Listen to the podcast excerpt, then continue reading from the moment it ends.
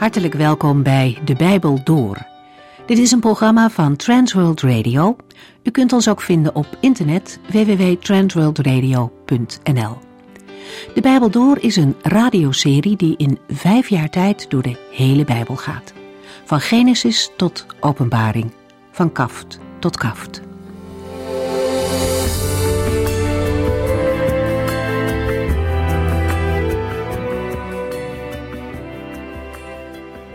In deze uitzending lezen we uit het twaalfde hoofdstuk van de Hebreeënbrief. De eerste versen beginnen met een vergelijking tussen christenen en deelnemers aan een hardloopwedstrijd. Gelovigen van nu worden aangemoedigd door de getuigen die al eerder de wedstrijd liepen en de eindstreep behaalden. Via de Bijbel horen we hun aanmoedigende woorden nog klinken. Ook worden christenen opgeroepen om te blijven kijken naar de Heer Jezus die ons voorgegaan is. Hij is de leidsman. Hij gaat voorop. En hij heeft als eerste het einddoel bereikt. Hij is als eerste de heerlijkheid van God binnengegaan. En de weg naar die heerlijkheid bracht lijden mee. Dat geldt vaak ook voor gelovigen. Maar wie in het lijden omhoog blijft kijken naar Christus, vindt bij hem ook de kracht om verder te gaan. Denk aan Hem die zoveel heeft doorstaan, zodat u niet zwak wordt, zegt Hebreeën. De schrijver gaat dan verder over de opvoeding die God aan zijn kinderen geeft. Lijden en vervolgingen zijn niet zinloos en ze wijzen ook niet op een gebrek aan Gods liefde. Integendeel, moeite en beproevingen zijn juist een bewijs van Gods liefde.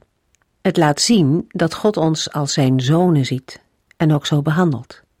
Hij doet dat om ons geestelijk volwassen te maken en ons voor te bereiden op de hemelse heerlijkheid.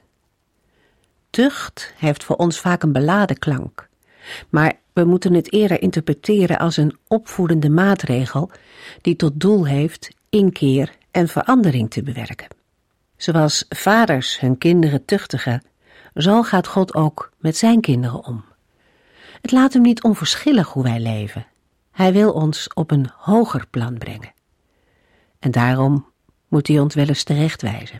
En het is aan ons om dat te accepteren. We gaan verder over dit onderwerp en lezen Hebreeën 12 vanaf vers 9.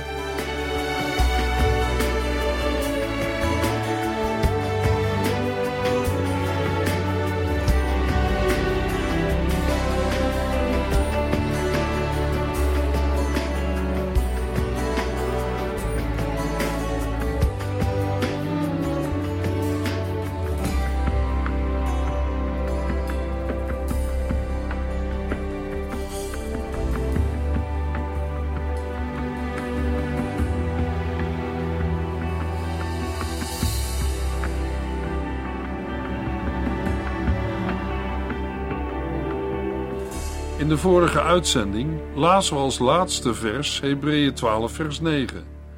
Vroeger, toen wij nog kinderen waren, kregen wij straf van onze natuurlijke vaders en we hadden respect voor hen. Moeten wij ons dan niet nog veel meer onderwerpen aan de opvoeding van onze geestelijke vader? Dan pas zullen wij leven. Omdat onze hemelse vader van een veel hoger niveau is dan onze natuurlijke vader, moeten gelovigen zich nog veel meer onderwerpen aan de opvoeding van onze geestelijke vader. In nummer 16 vers 22 wordt de Heere door Mozes en Aaron de God van het leven van alle mensen genoemd. En in nummer 27 vers 16 zegt Mozes tegen de Heere, Heere, u bent de God die aan al wat leeft de levensadem schenkt. Onze natuurlijke vaders konden ons alleen lichamelijk tuchtigen, opvoeden en terechtwijzen. Maar de Heere kan ons diepste geestelijk bestaan met zijn tuchtiging bereiken. Aardse vaders tuchtigen ons met een beperkt doel en een tijdelijk resultaat. Aardse vaders maken fouten en zitten er ook wel eens helemaal naast. Zeker, het zijn ook mensen die fouten maken, gebreken hebben en zonde doen. Het is een constatering die fouten niet goed praat, maar ziet op het feit dat ook vaders in een situatie kunnen komen waarin zij hun eigen zoon of dochter om vergeving moeten vragen. Waarom?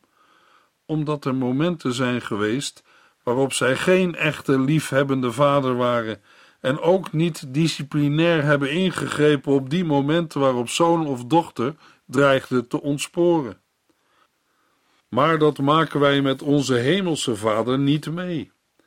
Hij is uit op een volmaakt en eeuwig leven voor zijn kinderen, en dat is ook het doel bij zijn opvoedkundige maatregelen, terechtwijzingen en tuchtigingen. Opdat het zijn kinderen wel gaat op de plaats die hij hen heeft gegeven. Dan pas zullen wij leven. Hebreeën 12, vers 10. Onze natuurlijke vaders hebben ons een aantal jaren naar hun beste weten opgevoed. Maar God weet pas echt wat goed voor ons is. Hij voedt ons op om ons te laten delen in zijn volmaaktheid. In vers 10 komt het verschil naar voren tussen de tuchtiging van onze natuurlijke vaders en de tuchtiging van de Here, zowel wat betreft de kwaliteit als wat betreft het doel. De gelovigen hebben daarom een extra motief om de tuchtiging van de Here gewillig te ondergaan. De natuurlijke vaders voeden hun kinderen een aantal jaren naar hun beste weten op. Dat wil zeggen, hun opvoeding was, menselijk gesproken, alleen gericht op het korte aardse leven van hun kinderen, opdat hun kinderen zich een waardige plaats in de maatschappij zouden kunnen verwerven. Daarentegen heeft de opvoeding van de Here tot doel om de gelovigen te laten delen in zijn volmaaktheid. In 1 Petrus 1 vers 14 tot en met 17 lezen we: Gehoorzaam God, omdat u zijn kinderen bent. Geef niet toe aan de verlangens van vroeger, toen u nog niet beter wist. Wees heilig in alles wat u doet, want de Heere die u heeft geroepen om zijn kind te worden, is heilig. Hij heeft dat zelf gezegd. Wees heilig, want ik ben heilig. U roept God aan als uw vader, die iedereen beoordeelt naar zijn daden. Daarom moet u, zolang u hier op aarde woont, ontzag voor hem hebben. Voor het woord volmaaktheid staat in de Griekse tekst het woord heiligheid. Hoewel dit niet blijkt uit het woord heiligheid zelf, moeten we hier toch denken aan de heilige goddelijke natuur die de gelovigen zullen ontvangen bij de wederkomst van Christus. Dit sluit niet uit dat de gelovigen in dit leven ook geheiligd moeten worden en dat Gods tuchtiging daarbij een rol speelt. De apostel Petrus schrijft in 1 Petrus 4 vers 1 tot en met 5 Omdat Christus voor ons geleden heeft en gestorven is, moeten wij ons wapenen met dezelfde innerlijke overtuiging als hij. Want wie in dit bestaan geleden heeft, houdt op met zondigen. Zo iemand laat zich gedurende de rest van zijn leven niet meer leiden door de slechte verlangens van de zonde, maar zal de wil van God doen. Er is genoeg tijd verknoeid met wat de ongelovigen fijn vinden: losbandigheid en verkeerde begeerten, drinkfestijnen, eetgelagen en onzedelijke feesten voor afgoden. Uw vroegere vrienden zullen het natuurlijk raar vinden als u niet meer meedoet met hun uitspattingen. Zij zullen u uitmaken voor alles wat lelijk is. Maar zij zullen zich moeten verantwoorden voor de grote rechter, die over de levende en de doden oordeelt. Zoals we al eerder aangaven, laat de kwaliteit van de tuchtiging van de aardse vaders wel eens te wensen over. Zij tuchtigen en voeden op naar hun beste weten. Ze hadden vast en zeker vaak goede bedoelingen, maar het ontbrak hen wel eens aan inzicht, waardoor de tuchtiging soms averechts uitwerkte. In Efeziërs 6 vers 4 roept Paulus ouders op met de woorden: Ouders, behandel uw kinderen zo dat ze niet dwars en haatdragend worden. Voed ze zo op dat ze de Here leren volgen en liefhebben. En tegen de kinderen zegt de apostel in Colossense 3 vers 20: Kinderen, jullie moeten gehoorzaam zijn aan je vader en moeder, want dat is de wil van de Heere.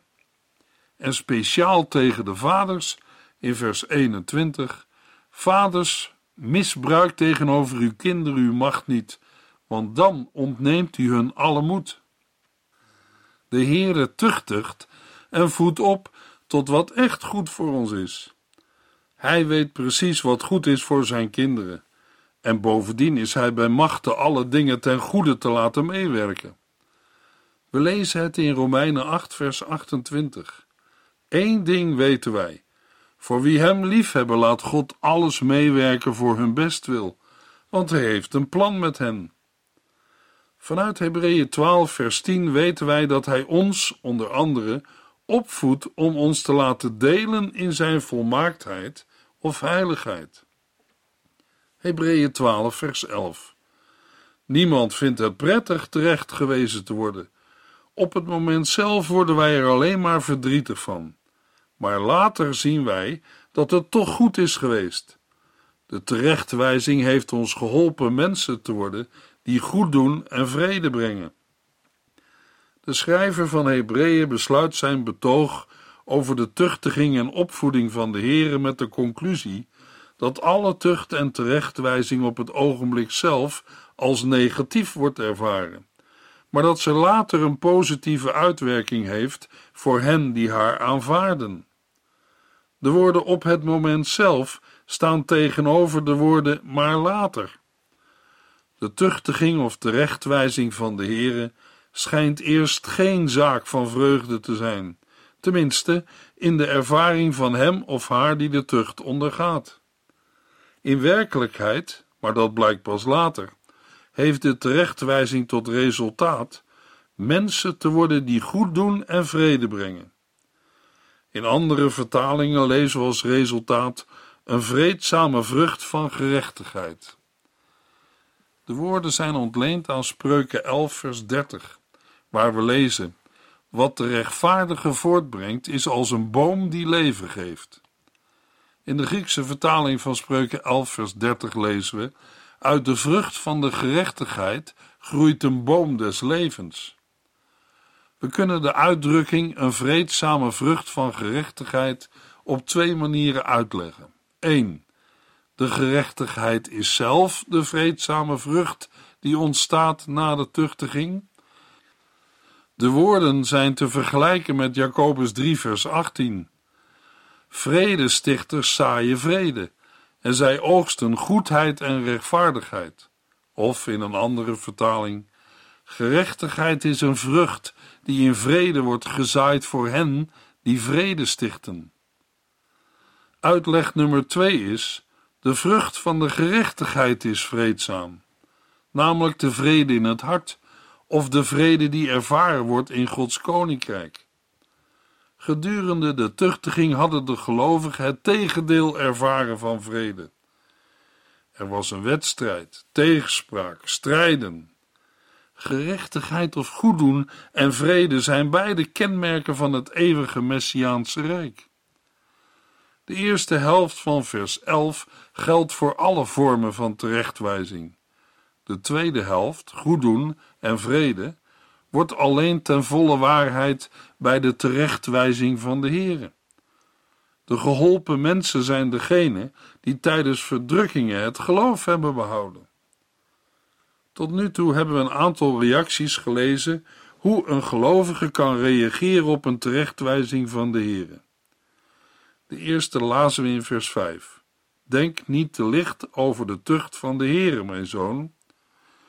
Een mens kan te klein of te gering denken over de terechtwijzing van de Heere.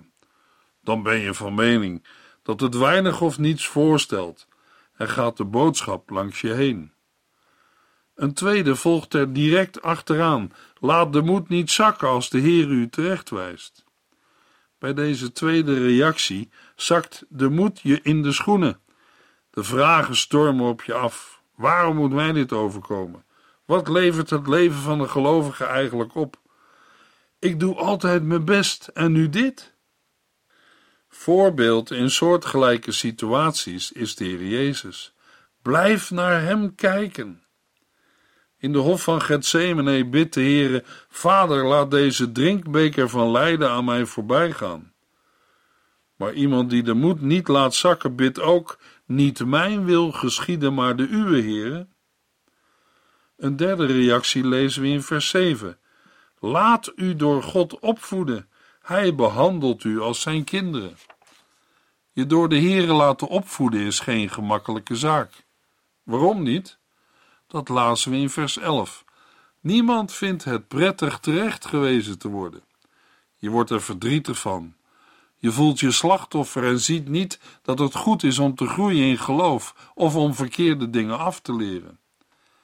De apostel Paulus schrijft in 1 Corinthiërs 9 vers 27 Nee, ik hart mijn lichaam en dwing het te doen wat ik wil, anders zou het wel eens kunnen gebeuren dat ik, na anderen voor de wedstrijd te hebben opgeroepen, zelf wordt gedisqualificeerd. Paulus gaf niet toe aan de verlangens van zijn lichaam. Daarin lezen we iets van een gevecht tussen de oude en nieuwe mens. Wie zal het winnen? De mens die u, jij en ik het meeste eten geven. Wij moeten de nieuwe mens voeden. De oude mens is met Christus begraven. Een gelovige wordt door de terechtwijzingen van de Heere geoefend en wordt er sterker van. Hebreeën 12, vers 12. Steek dus de handen uit de mouwen en ga stevig op uw benen staan. Uitgaande van het voorgaande onderwijs, namelijk dat terechtwijzing en vervolging juist een bewijs zijn van het kind van God zijn, roept de schrijver zijn lezers op om vol te houden en niet op te geven. In een andere vertaling lezen we: Hef dan de slappe handen op en strek de knikkende knieën. De woorden zijn ontleend aan Jesaja 35, vers 3 en waren in de dagen van de schrijver van Hebreeën tot een gezegde geworden. Precies dezelfde bewoordingen vinden we tenminste in het apocryfe boek Wijsheid van Jezus Sirach. Mogelijk speelt de schrijver nog even op de hardloopwedstrijd uit vers 1. De vermoeide hardlopers worden aangemoedigd nog even vol te houden. Ook in Jesaja 35 vers 4 worden de angstigen en moedelozen aangemoedigd vol te houden, omdat de komst van de Heere nabij is en met hem het Messiaanse vrederijk. We zien er mogelijk nog niets van, maar de Heere heeft het beloofd en hij zal het doen. Mogelijk kunt u als bemoediging bij deze woorden Jesaja 40 lezen.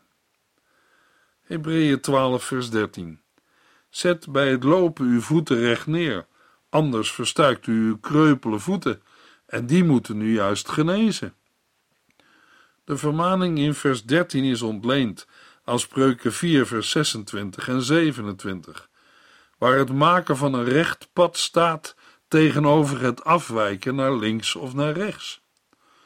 De woorden in vers 13 moeten dan ook niet meer alleen gezien worden in het licht van eventuele vervolgingen maar het betreft hier het afwijken van de christelijke leer. Hierbij zullen we mogelijk opnieuw moeten denken aan het weer invoeren van de Joodse ceremoniële voorschriften van het oude verbond. De woorden zet bij het lopen uw voeten recht neer geven aan dat een gelovige op de rechte weg van Christus moet blijven. In Hebreeën 10 vers 20 hebben we gelezen, omdat hij zich voor ons heeft opgeofferd is er voor ons een nieuwe weg naar het leven gekomen. De nieuwe weg is al door Christus gelegd. Daarop moet een gelovige lopen en niet afwijken naar links of rechts. Weer klinkt tussen de regels door: blijf kijken naar de Heer Jezus Christus. Waarschijnlijk richt de schrijver zich nu niet meer tot een individuele gelovige, maar tot de hele gemeente. De gemeente als geheel moet erop toezien dat zij de juiste weg van het geloof gaat en dat het kreupele lid niet afwijkt. Ook in de pastorale brieven van de apostel Paulus wordt voortdurend gewaarschuwd tegen het afwijken van de juiste weg. Die betekenis kan het ook in vers 13 hebben. Daarnaast heeft het Griekse woord ook de medische betekenis van ontwricht worden. De laatste zin van vers 13 over de kreupele voeten die moeten genezen, wijst erop dat de schrijver deze laatste betekenis in gedachten had.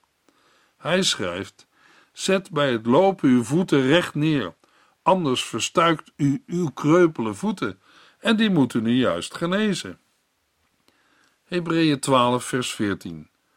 Probeer de vrede met uw medemensen te bewaren en leef als afgezonderd voor de Heere, anders zult u hem nooit zien. Ondertussen is de schrijver in vers 14 overgegaan naar andere vermaningen die geen directe verbinding meer hebben met de volharding van de gelovigen onder vervolging.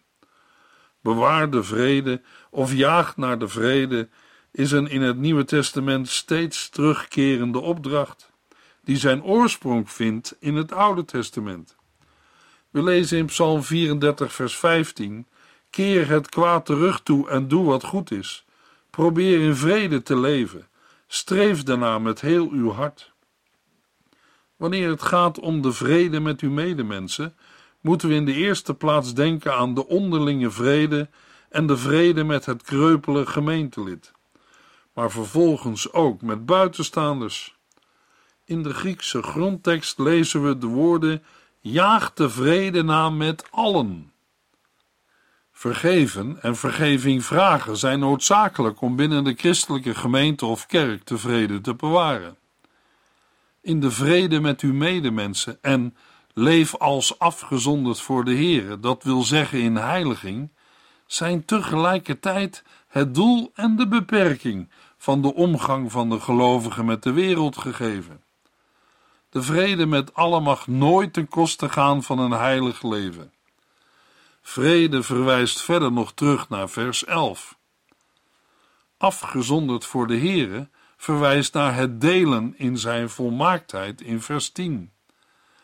Maar heiliging of afgezonderd leven voor de Heere is niet alleen een gave van God, maar ook een opgave. De gelovigen moeten deze bewaren en najagen.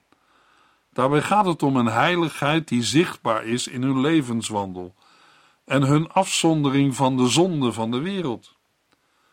De woorden anders zult u hem nooit zien, zijn woorden die we vaker tegenkomen in het Oude Testament.